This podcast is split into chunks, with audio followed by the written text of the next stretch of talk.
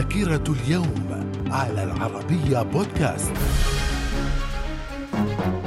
أهلا بكم إلى ذاكرة اليوم الثالث عشر من أغسطس ففي العام 1892 صدر العدد الأول من صحيفة ال Afro American في مدينة بالتيمور لتعبر عن تطلعات الأفارقة في الولايات المتحدة. في العام 1913 اختراع مادة stainless steel على يد المخترع الإنجليزي هاري بريرلي. في العام 1923 المؤتمر الوطني في تركيا يقرر يقرر تعيين مصطفى كمال رئيسا للحكومة التركية في خطوة أخيرة نحو القضاء على الخلافة الإسلامية. من الذاكرة. ومن ذاكرة الثالث عشر من أغسطس في العام 1960 أفريقيا الوسطى تعلن استقلالها عن فرنسا. في العام 1961 إغلاق الحدود بين الألمانيتين وبدء بناء جدار برلين. في العام 1964 مجلس الوحدة الاقتصادية العربية التابع لجامعة الدول العربية يوافق على اتفاقية السوق العربية المشتركة. من الذاكرة. ومن ذاكرة اليوم الثالث عشر من أغسطس وفي العام 2004 بدء دورة الألعاب الأولمبية الصيفية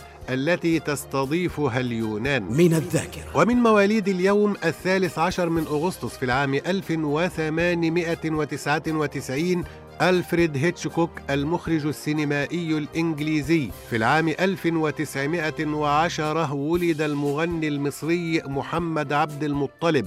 وفي العام 1926 ولد رئيس كوبا فيديل كاسترو. من الذاكرة. ومن وفيات اليوم الثالث عشر من أغسطس في العام 1863 ديلا كروا رسام فرنسي. وفي العام 1917 توفي إدوارد بوخنر عالم كيمياء ألماني حاصل على جائزة نوبل في الكيمياء عام 1907 وفي العام 1953 توفي خليل السكاكيني الأديب الفلسطيني. من الذاكرة. إلى اللقاء.